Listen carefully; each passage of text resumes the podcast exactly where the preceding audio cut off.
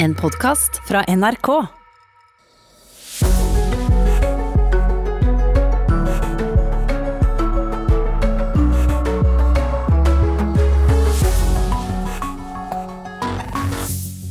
Vi glemmer ikke det som skjedde for eh, ni år siden i dag. Vi skal snakke om hatet, og hva som kan gjøres for å motvirke vold og trusler mot politikere. For det er et økende problem, sier politiet. Vi har truffet fem mennesker om hvilke øyeblikk de husker fra 22.07, da 77 mennesker ble drept i Oslo sentrum og på Utøya. President Trump sa det kommer til å bli verre før det blir bedre i USA. Tonen var en helt annen da han i natt stilte med munnbind på den første koronapresskonferansen på mange uker. Industrien i Norge har lidd under virusepidemien. Deler av handelsnæringen har fått et løft, og folk i helsevesenet har stått på for harde livet. Det er et komplisert utgangspunkt for lønnsforhandlingene i år. Velkommen til Nyhetsmorgen med Ugo Fermarello og Ida Creed. Trusler og hat mot politikere er et økende problem, sier politiet. Nå ber lederen for Senter for ekstremismeforskning og professor ved Universitetet i Oslo og Politihøgskolen, Tore Bjørgo, om at politiet tar slike saker mer på alvor. Han tror ikke de får tilstrekkelig oppmerksomhet i politiet. Jeg tror hovedproblemet her ligger i at disse sakene ikke får tilstrekkelig oppmerksomhet i politiet. Det sier professor Tore Bjørgo. Nærmest halvparten av norske lokalpolitikere har opplevd å få trusler eller hatefulle ytringer, og flere har vurdert å gi seg i politikken av det, viser en undersøkelse av KS fra 2019. I dag er det Politiets sikkerhetstjeneste, PST, som er ansvarlige for sikkerheten til sentrale myndighetspersoner, mens politiet har ansvaret for lokalpolitikere. Bjørgo mener politiet ikke prioriterer trusler og hat like mye som PST, og at slike saker derfor ofte kan havne i skuffen. Politiet er jo alltid un underdimensjonert i forhold til den enorme mengden saker og hendelser som kommer inn på deres bord. Og de må alltid prioritere og velge bort det meste for å konsentrere seg om det de anser som mest alvorlig. Og da er det lettere å prioritere fysisk vold enn psykisk vold. Trusler og hat mot politikere er et økende problem, sier fungerende politidirektør Håkon Skulstad. Ja, det er et eh, problem. Det er faktisk et eh, samfunnsproblem, og et problem som eh, både direkte og indirekte kan true demokratiet vårt. Det er kompetanse på det i dag. Det er god kompetanseoverlevering mellom PST og politiet, men vi ser at vi må fortsatt styrke dette arbeidet framover. Nå blir dette også tatt opp av myndighetene, som er bedt om en kartlegging for å finne ut hvilke konsekvenser dette har for lokaldemokratiet. Det sier kommunal- og moderniseringsminister Nikolai Astrup. Det vi ønsker å komme til bunns i, er jo på hvilken måte dette påvirker rekrutteringen til lokalpolitikken, og hvordan det påvirker lokalpolitikernes arbeidshverdag.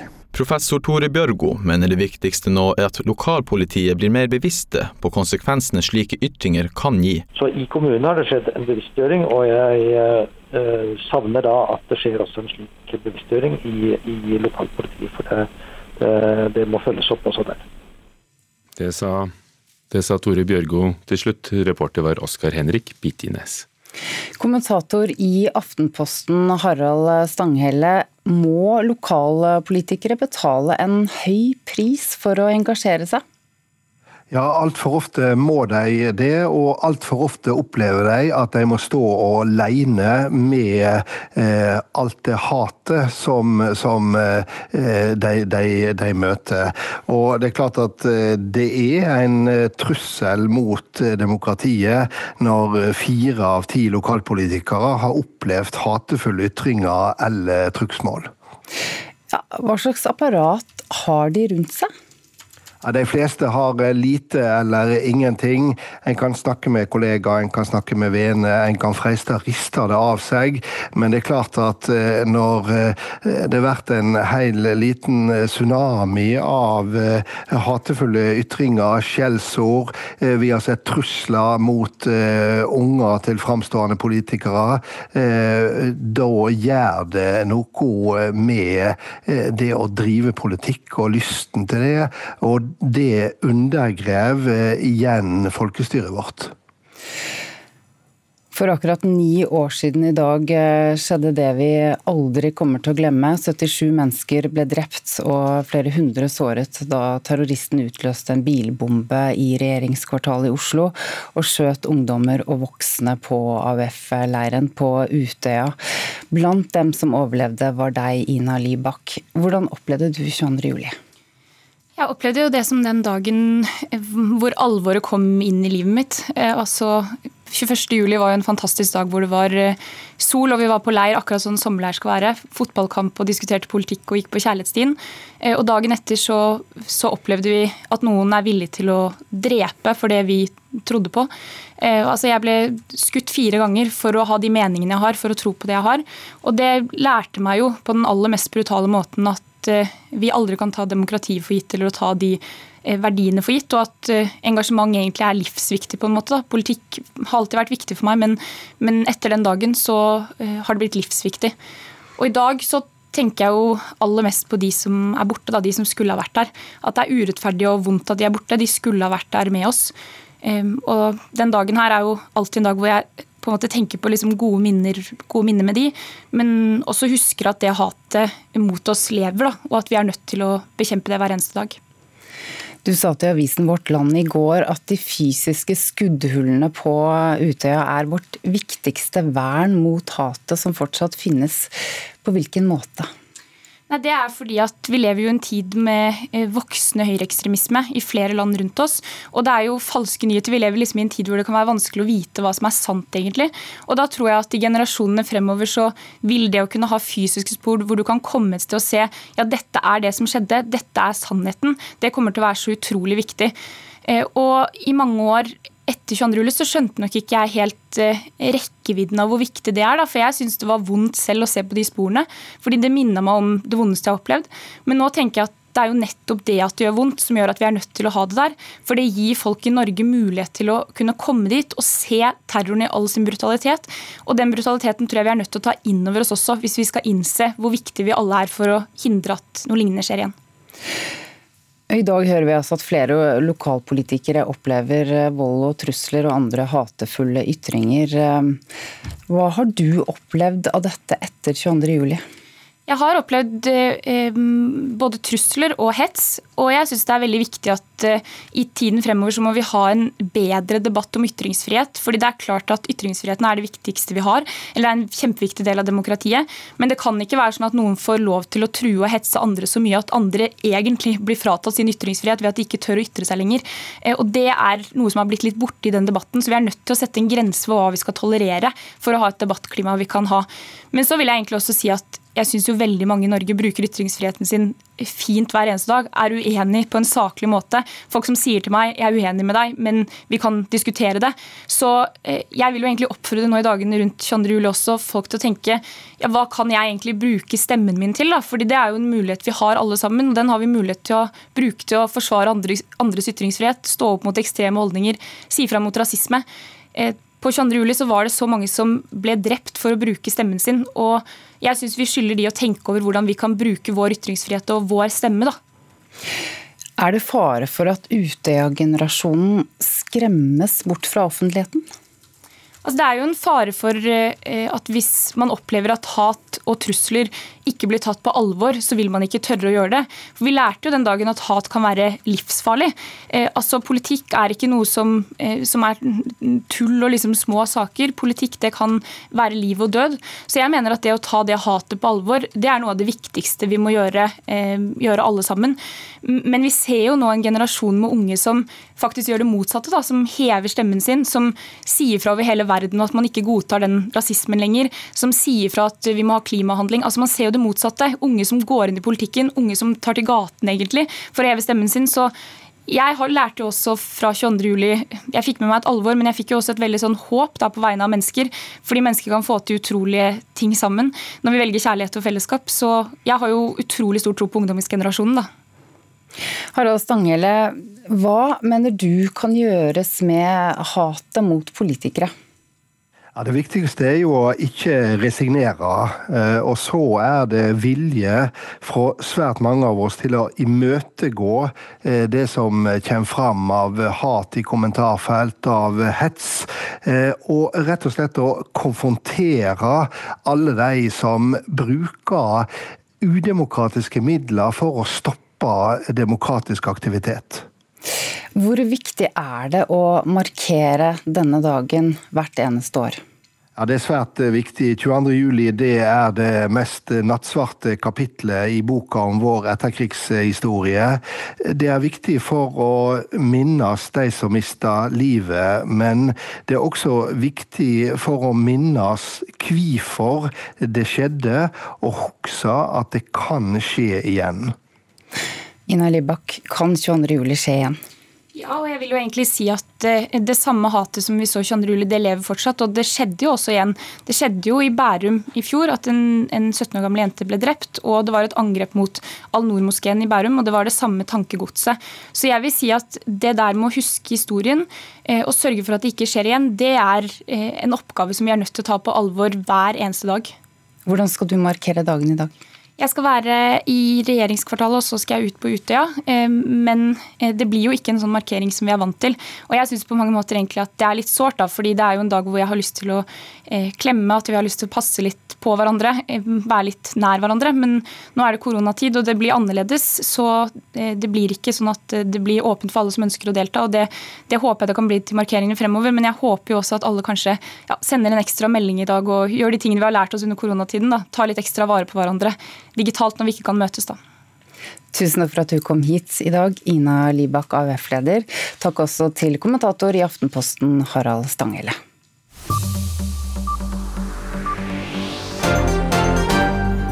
Dette har skjedd i løpet av natten. USAs president Donald Trump oppfordrer amerikanere til å bruke munnbind dersom det ikke er mulig å holde avstand. På en pressekonferanse i natt advarte han også om at pandemien kan bli mye verre i USA før det blir bedre. Irland letter på innreiserestriksjoner fra 15 europeiske land, blant dem Norge. Irland har hatt en av de laveste koronavirussmittetallene i EU, med fem tilfeller for hver 100 000 innbygger og vil tillate reisende fra land som har like mye eller mindre smitte. Reisende fra Storbritannia derimot må fremdeles oppholde seg 14 dager i karantene. En mann i 20-årene ble ranet med kniv i Horten like før klokken fire i natt. Han fikk stikkskader i armen og ble frarøvet penger og en telefon. Ingen er pågrepet, men politiet har søkt i området, altså i Horten. Dette skjer i dag. USAs utenriksminister eh, Mike Pompeo besøker Danmark, og det får vi nok høre mer om eh, utover dagen. Klokken ti i dag holdes en minnemarkering i regjeringskvartalet, og klokken 16 holdes en markering på Utøya for å minnes terrorangrepene 22.07. for ni år siden. Statsminister Erna Solberg skal delta begge stedene, og vi sender markeringene direkte på TV på NRK1. Og i løpet av Nyhetsmorgen skal vi til regjeringskvartalet når eh, det nærmer seg ti.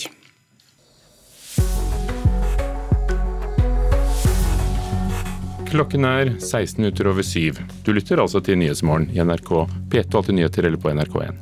Det er en trussel mot eh, demokratiet når fire av ti lokalpolitikere har opplevd hatefulle ytringer og trusler, sa Aftenposten-kommentator Harald Stanghelle her i Nyhetsmorgen. USAs president Donald Trump ber folk bruke ansiktsmaske. Gladmatfestivalen åpner i Stavanger i dag. Hvordan blir det i år? Vi skal høre om det ganske snart. Donald Trump holdt altså i går sin første pressekonferanse siden slutten av april om koronavirusepidemien i USA. Han sa at situasjonen i USA kommer til å bli verre før den blir bedre, og oppfordrer nå alle amerikanere om å bruke munnbind når det trengs.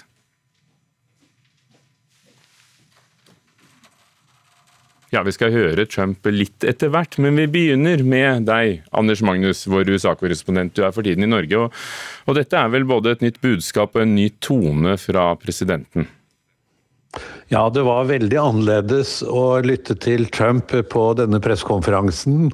Vi skal jo huske at uh, grunnen til at han sluttet med det, var uh, Han ble jo latterliggjort voldsomt etter uh, den siste pressekonferansen hvor han foreslo at man kanskje kunne bruke klor for å, å bruke i kroppen mot dette viruset.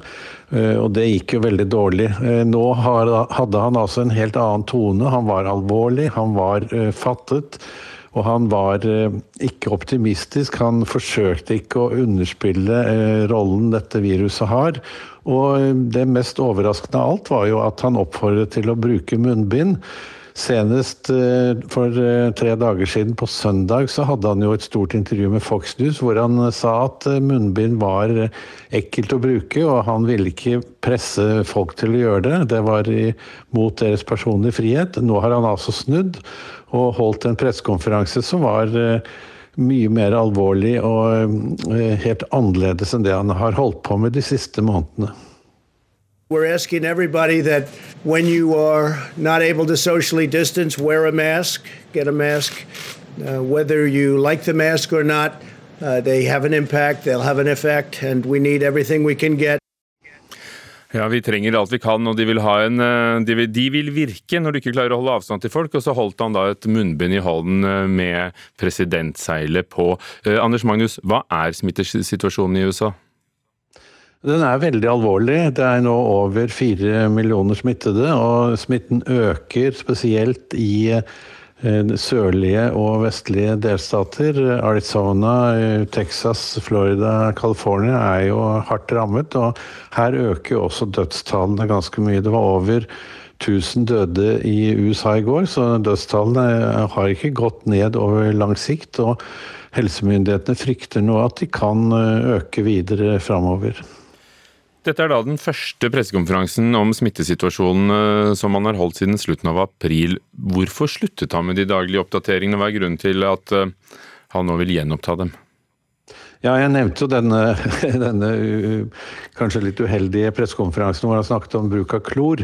Grunnen til at eh, han nå vil ta de opp igjen, er jo fordi han ser at han mangler en eh, plattform i valgkampen, så å si. Han synes han er for lite til stede overfor publikum, og mener at dette kan være et, fin, en fin måte å kommunisere direkte med befolkningen. Og som vi hørte under pressekonferansen, så snakket han jo også mye om eh, annen politikk enn helsepolitikk. Han snakket om økonomien og andre sider av sin politikk som han mener han har gjort det bra med, og som han håpet folk ville støtte ham for i, på valgdagen i november. Og vi skal også legge merke til at han var helt alene i presserommet. Dr. Fauci, som er USAs ledende smitteekspert, som uh, har vært med på disse pressekonferansene tidligere og, og, sagt mye der, han var ikke invitert til å være med, og heller ingen andre helseeksperter var med. Og det bekymrer nok en del uh, av støttespillerne til Trump, fordi de kunne ønske seg mer vitenskapelig informasjon, f.eks. om vaksine hvis eh, helseeksperter kunne vært til stede sammen med Trump på disse pressekonferansene. Men, men, du nevnte valgkampen, eh, Anders Magnus, eh, og nå ligger Trump klart bak demokratenes Joe Biden på de siste målingene. Vil, er det et håp om at denne nye tonen kan, kan gi ham mer popularitet? Det er det nok, og det er nok en av grunnene til at han holder disse pressekonferansene og også er, har dette såpass alvorlige budskapet. Fordi da Trump startet med disse daglige pressekonferansene eh, ved utbruddet av eh, pandemien i USA, så gikk jo støtten til ham eh, i været. Han fikk økt støtte blant befolkningen, og de stolte også på det han sa om viruset og pandemien. Eh, denne tilliten har nå sunket veldig kraftig. Det er som, eh, mange færre som tror på han nå, men han ønsker nok å bruke disse pressekonferansene for å få opp populariteten igjen, få folk til å stole på ham, og også være i medienes søkelys med sitt budskap. Takk. Anders Magnus? Vi ehm, skal nå høre at industrien i eh, Norge jo har blitt eh, hardt rammet av eh, koronapandemien, samtidig som store deler av handelsnæringen har fått et løft, og vi jo har klappet for helsevesenet. Det gir et komplisert utgangspunkt før lønnsforhandlingene, hvor prinsippet er at alle skal følge industrilønningene.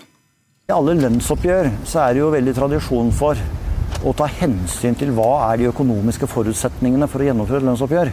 Sånn sett så har vi et dårlig utgangspunkt for å gi lønnsøkning i år. Det sier Stein Lier Hansen, som er leder for Norsk Industri. I lag med Fellesforbundet starter de årets lønnsforhandlinger i starten av august. For Sykepleierforbundet blir det vanskelig å akseptere et nulloppgjør. Det sier nestleder i forbundet, Silje Naustvik. Det vil være utrolig vanskelig med tanke på å rekruttere og beholde de folka vi trenger for å gi gode nok eh, helsetjenester da, til eh, både de som bor i kommunen og de som skal komme på sykehus. Selv om industrien sliter, så gjør andre deler av privat næringsliv det bra.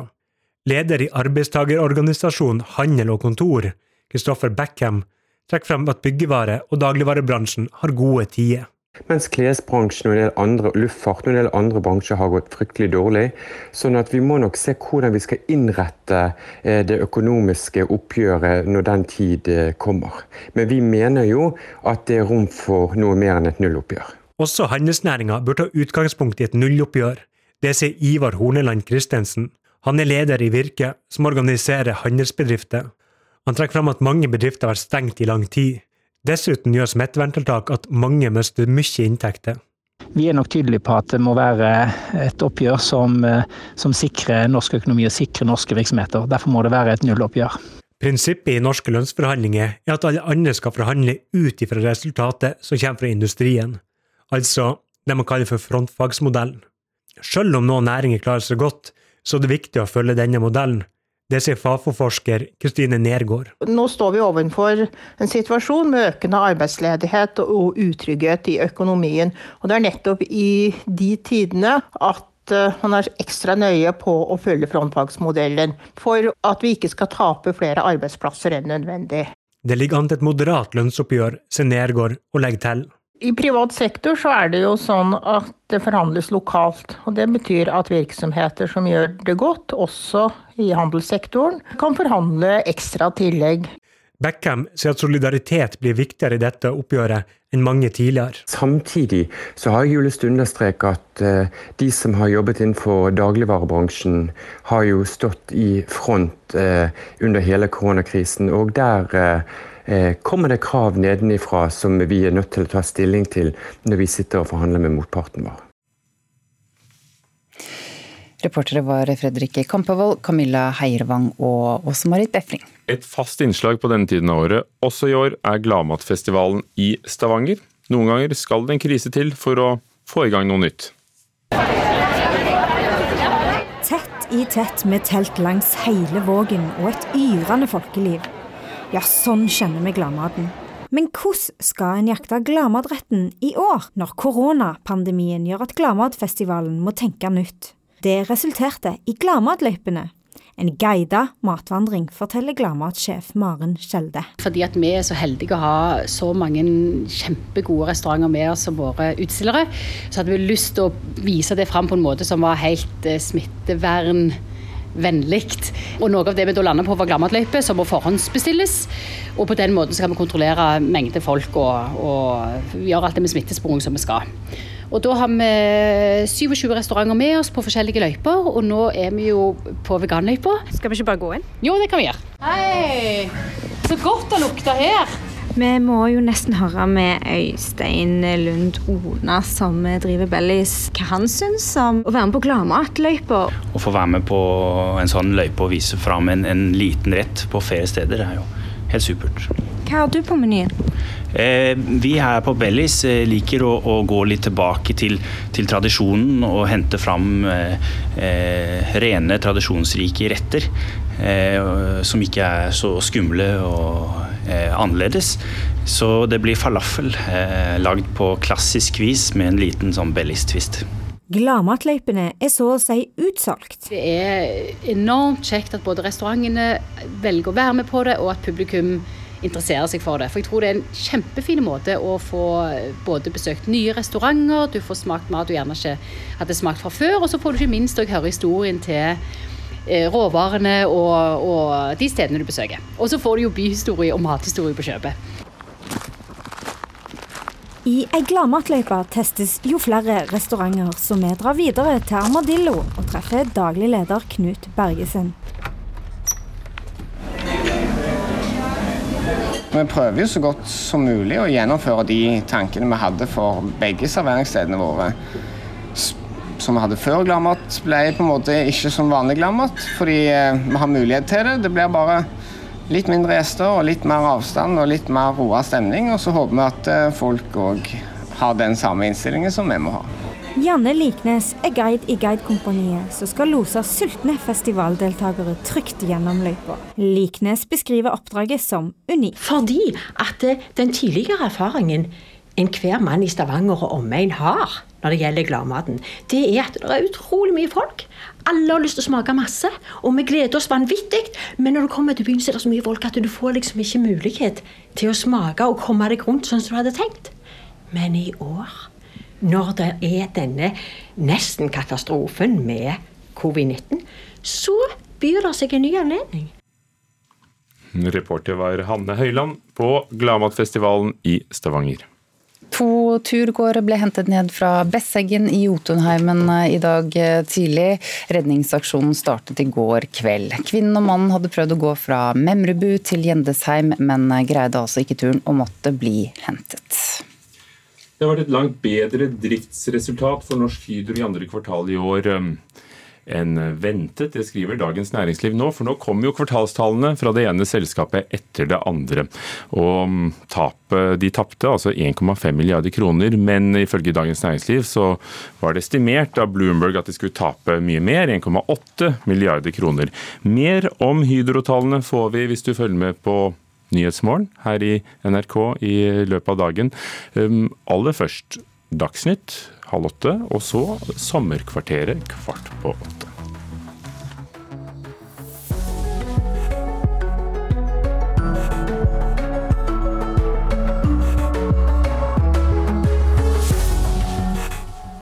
Sommer i P2. Jeg fikk sjokk. Øverst på DNA-testen sto det at jeg hadde fått match. Hodet spant og hjertet hamra. Jeg heter Jon Erik Årsheim, og som treåring ble jeg kidnappa fra familien min i Colombia. I sommer i P2 forteller jeg om jakten på røttene mine, og om å møte dem igjen 32 år etter. Sommer i P2 i dag klokka ti.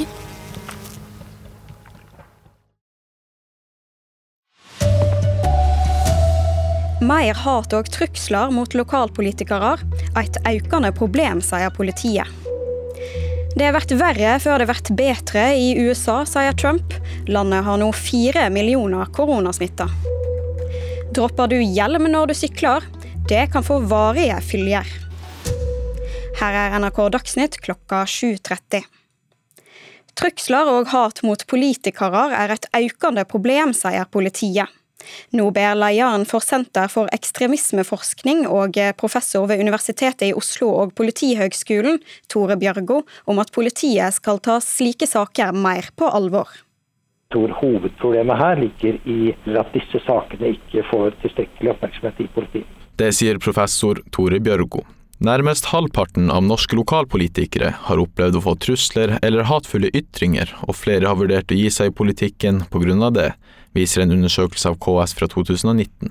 I dag er det Politiets sikkerhetstjeneste, PST, som er ansvarlige for sikkerheten til sentrale myndighetspersoner, mens politiet har ansvaret for lokalpolitikere. Bjørgo mener politiet ikke prioriterer trusler og hat like mye som PST, og at slike saker derfor ofte kan havne i skuffen. Politiet er jo alltid un underdimensjonert i forhold til den enorme mengden saker og hendelser som kommer inn på deres bord. Og da er det lettere å prioritere fysisk vold enn psykisk vold.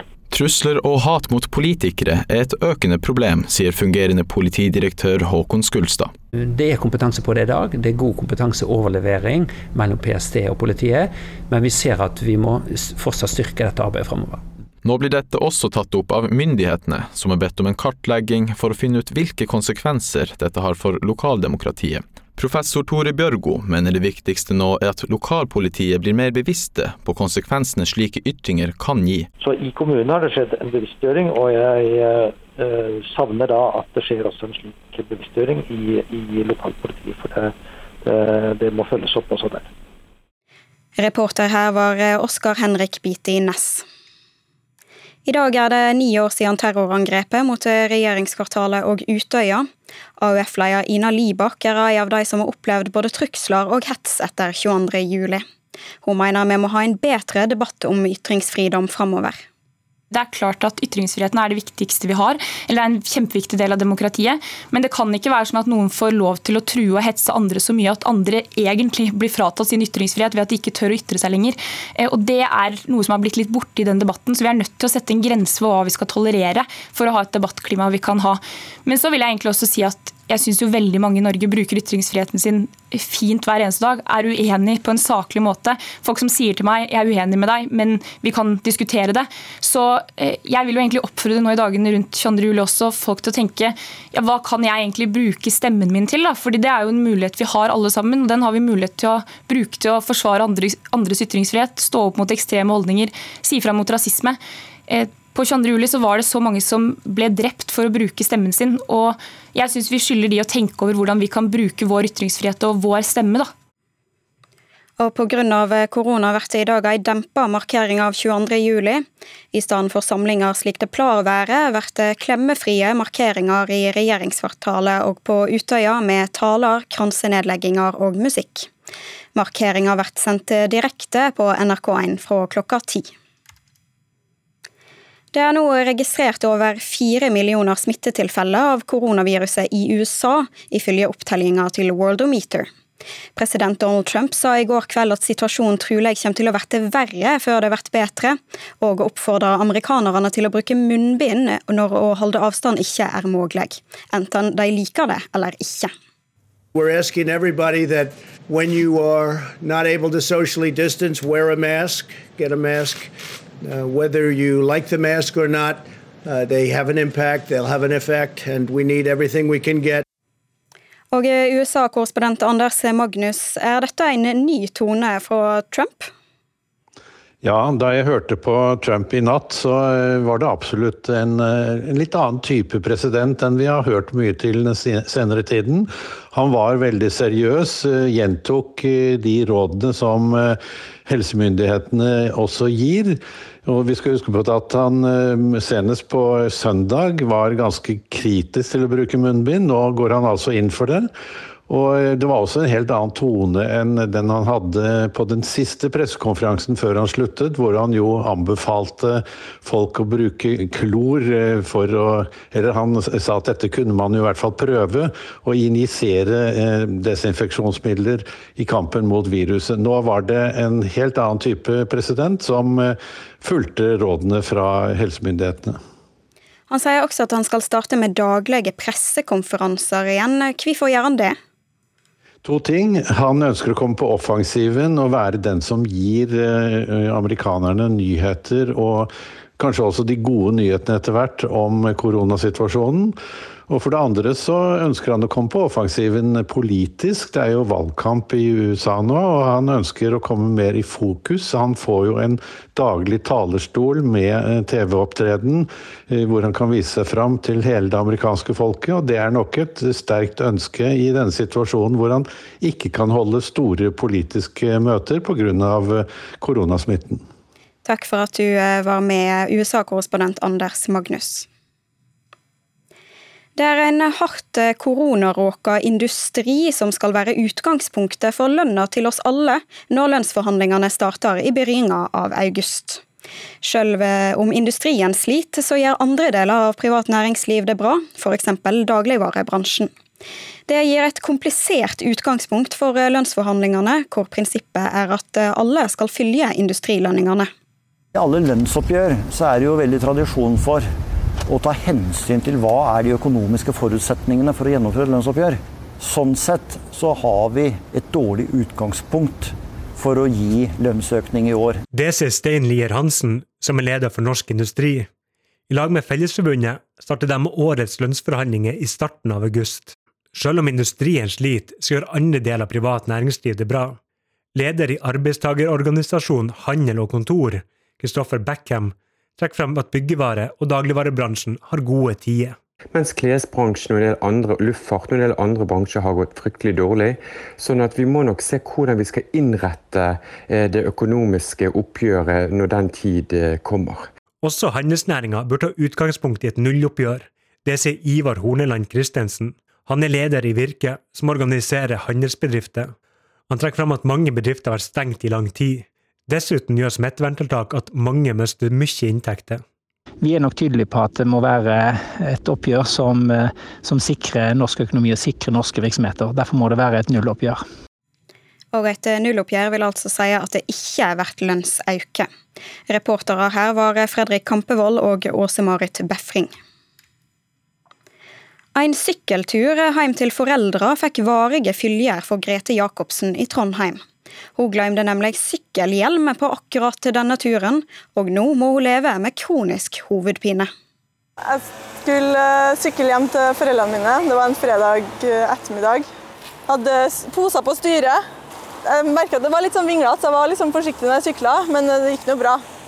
Og så kom jeg, skulle ned fortauskanten, og det var nok antageligvis der at den ene posen for inn i hjulet. Jeg fløy over.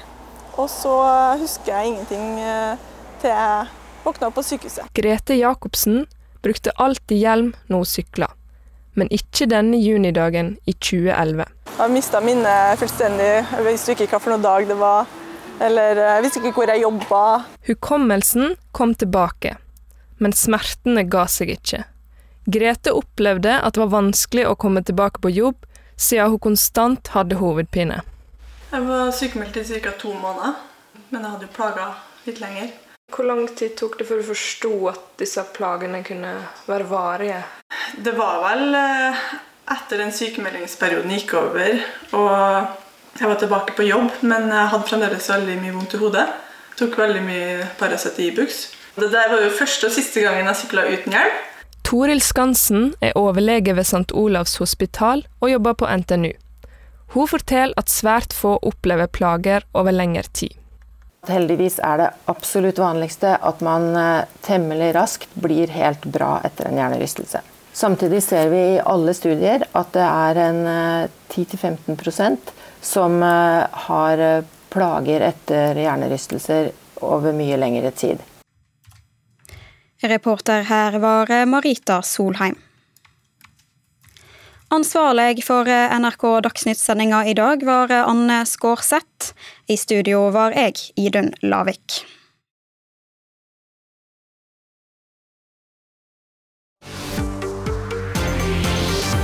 Jensen er formelt pågrepet på bakgrunn av en beslutning fra meg.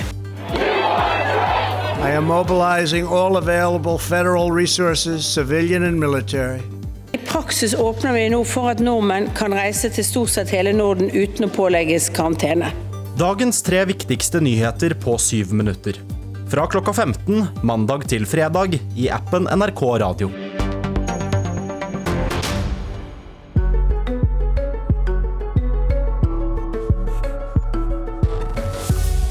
Dette er NRKs Nyhetsmorgen. Det er for passivt av Sjøfartsdirektoratet å si nei til krav om nullutslipp fra cruiseskipene i verdensfjord verdensarvfjordene om seks år. Det mener administrerende direktør Geir Bjørkli i Bergensselskapet Corvus, som produserer batterier for elektrisk drevne skip. Stortinget har gått inn for et slikt utslippskrav i 2026, mens Sjøfartsdirektoratet vil utsette det til 2030. Jeg forstår godt at Sjøfartsdirektoratet gjerne ser bakover i sladrespeilet på hva som er mulighet, men vi må se framover. Vi har utvikla masse som gjerne ikke sjøfart vet ennå, for sjøfart ser ofte mest det som er på vannet. Relativt store cruiseskip kan seile med elektrisk framdrift i seks til åtte timer, så batteriteknologien er klar. To fjordområder på Vestlandet er del av verdensarven til FN. Tafjord og Geiranger på Sunnmøre, og Nærøyfjorden og Aurlandsfjorden innst i Sognefjorden. For to år siden sa Stortinget at fra år 2026 skal bare nullutslippsskip få kjøre i verdensarvfjordene. Det samme året tilrådde Sjøfartsdirektoratet å sette fartsgrenser på mellom 5 og 12 knop for cruiseskipene der, fordi det ville redusere klimagassutslippene kraftig. Men tidligere i år fraråda det samme direktoratet å sette krav om nullutslipp om seks år.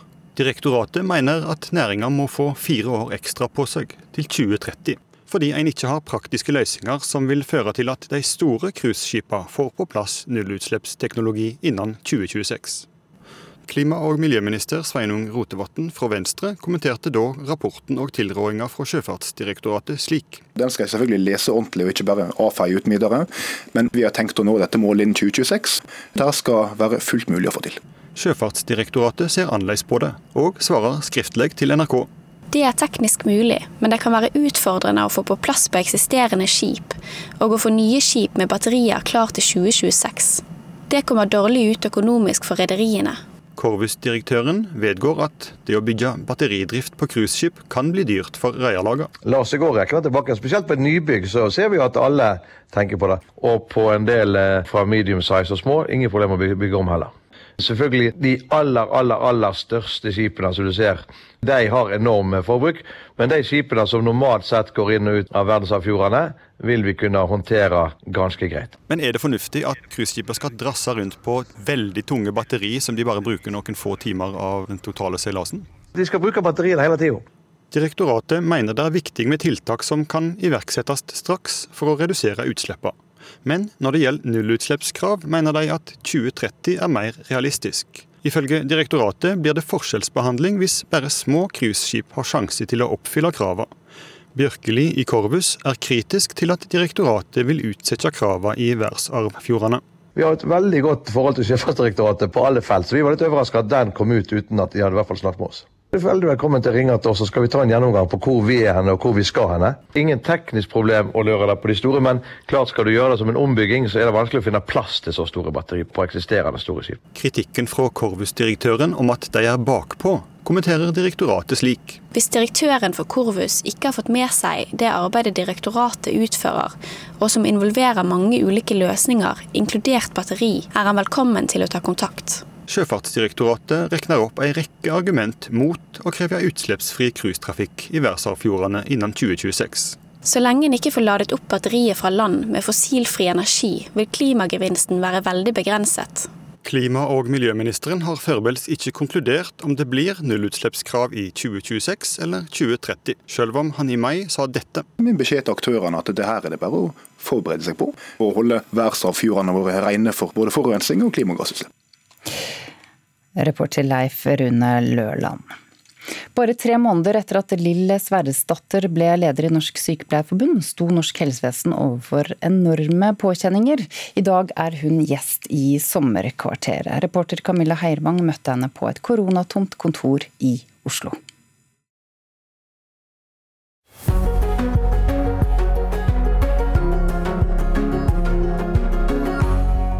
Alvoret var, eh, begynte å gå opp for meg, i alle fall når jeg fikk de rapportene. Både de videoene eh, fra hvordan det så ut, og hva som foregikk inne på de italienske sykehusene.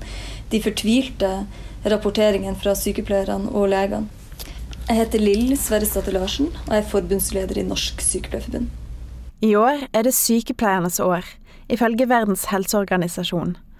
Men hos Norsk Sykepleierforbund i Tollbugata i Oslo er det lite som minner om fest og store markeringer.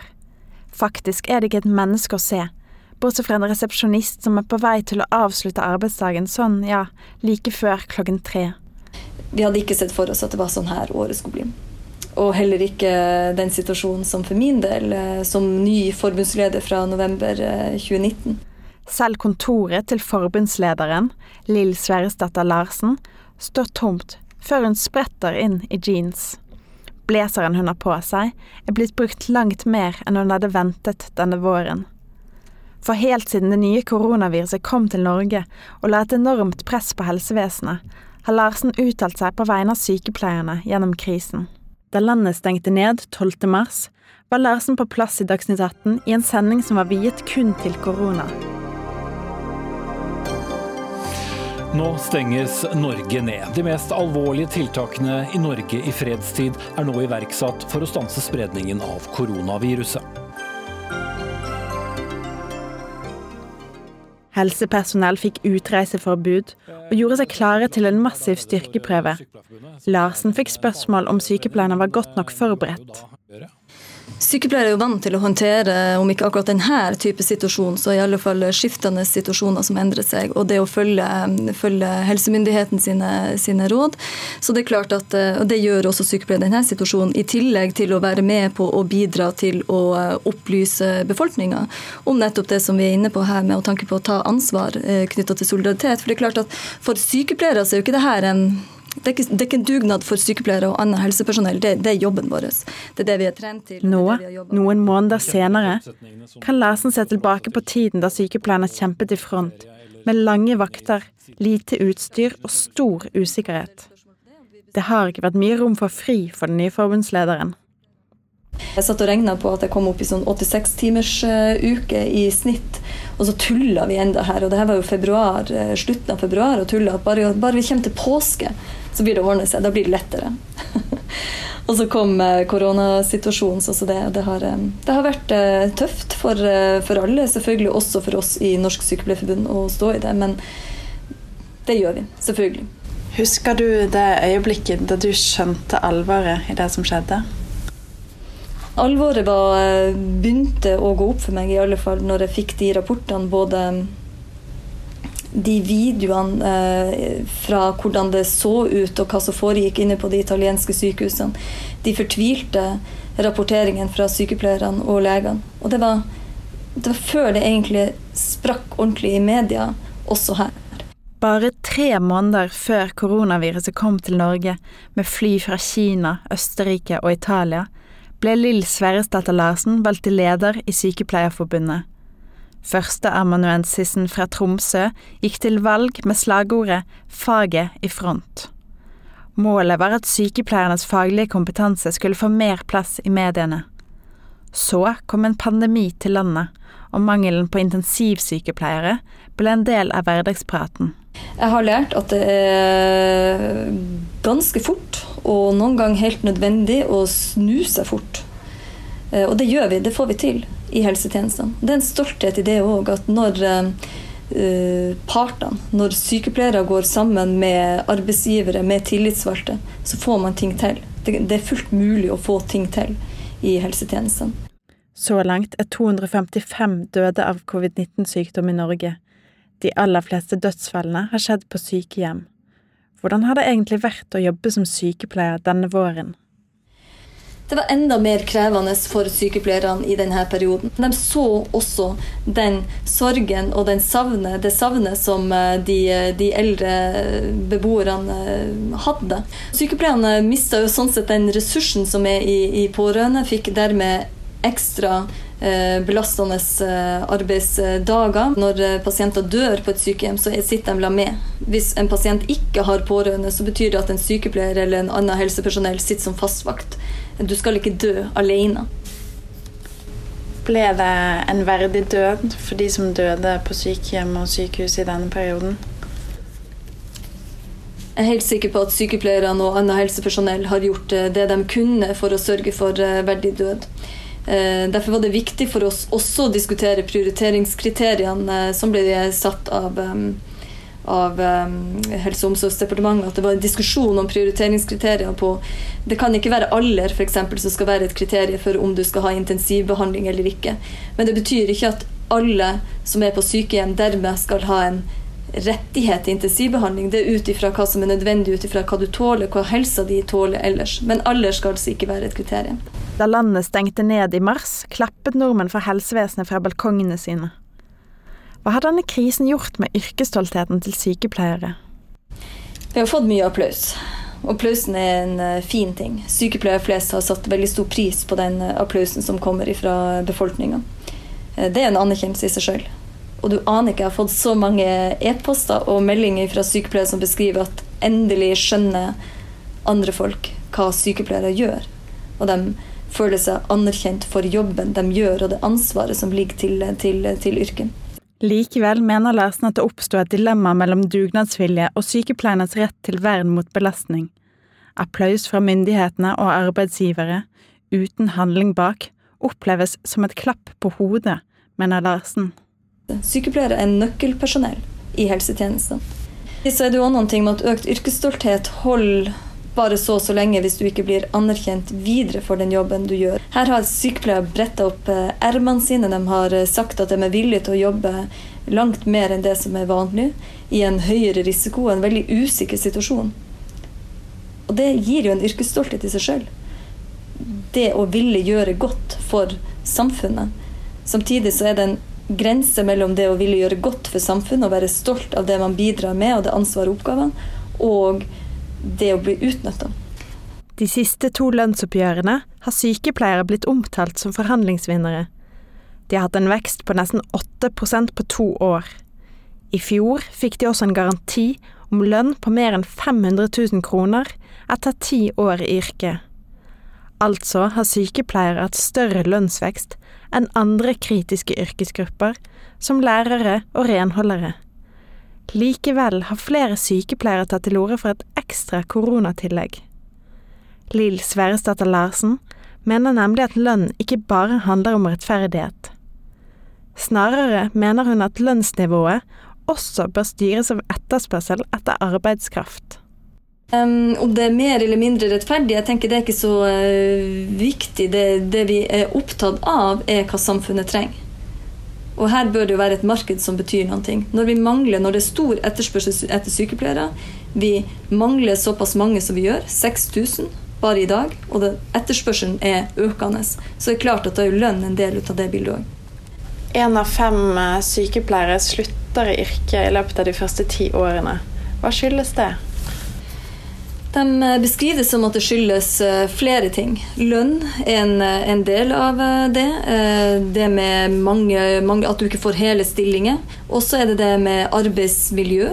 Hvis fagmiljøet er svakt, at du jobber veldig mye alene og må gjøre beslutninger, vurderinger alene uten at du får noe verken feedback fra leder eller fra kollegaer i noe særlig grad. Og så er det kanskje også det, det siste, det med at man blir satt til å gjøre mange arbeidsoppgaver som egentlig ikke er sykepleieroppgaver. Tegnehanne har en sånn her, liksom tulle, tulleserie på det, men det som, som, setter det på spissen. ikke sant? Med alle arbeidsoppgaver som sykepleiere etter hvert har overtatt. sånn uavgrensa ansvar. Ok, Sykepleiere skal kanskje være portør, man skal jobbe på lager, man skal jobbe renhold, og til slutt så kommer da direktøren på sykehuset og sier til Tegnehanne sin figur her da, at, at de har sagt opp parkeringsvakten som kanskje bare hun, når Men samme hun er på runden, så kan hun bare stikke innom og være parkeringsvakt også. jeg syns den er artig, for det setter det veldig på spissen. For det er sånn. Det blir det sånn uavgrensa ansvar. Det blir beskrevet som en viktig del av det hvorfor de slutter. Hva slags jobber er det de går til?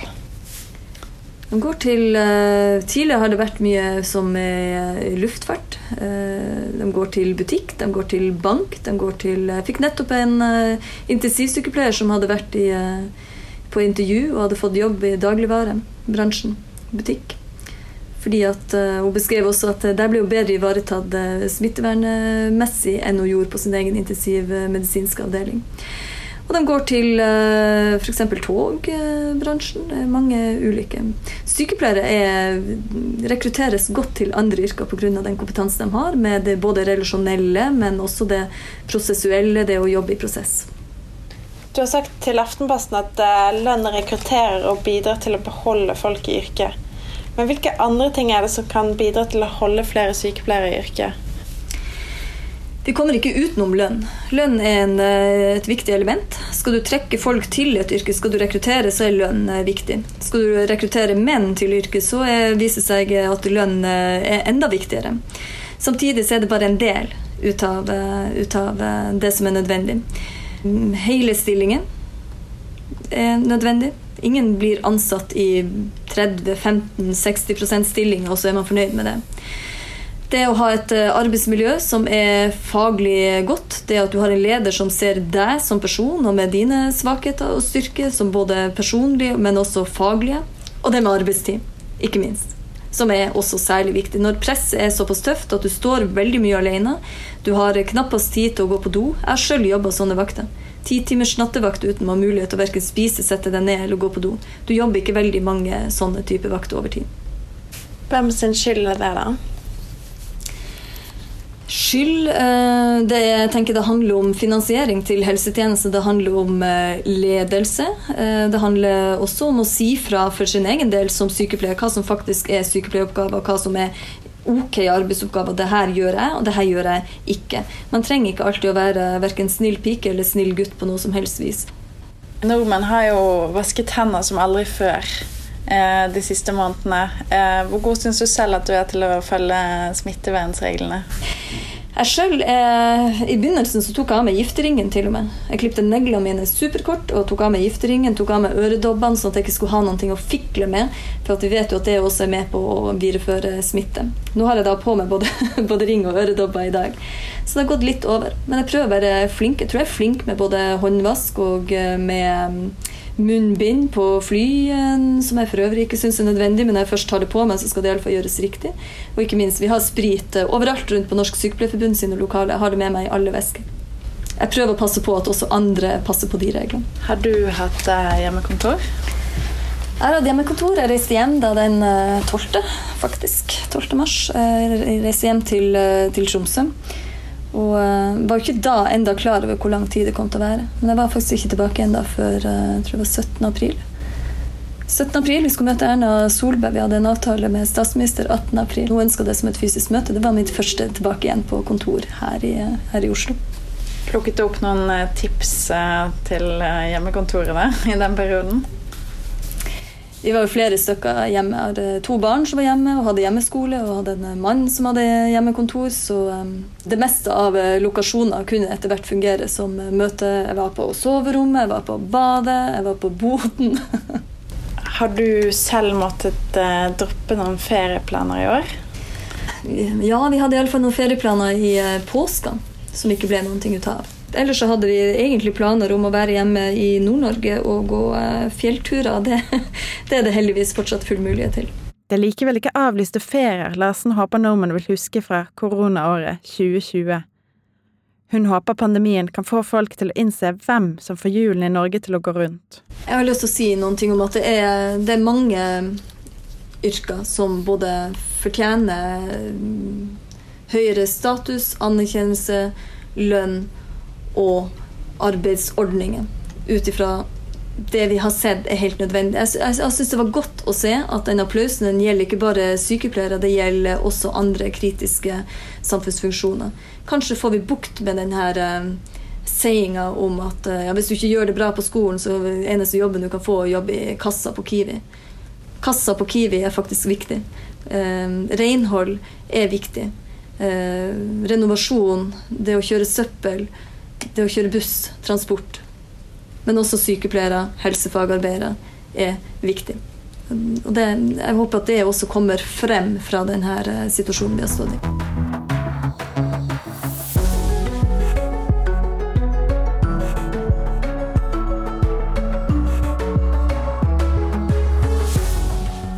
Du har hørt en podkast fra NRK. Hør flere podkaster og din NRK-kanal i appen NRK Radio.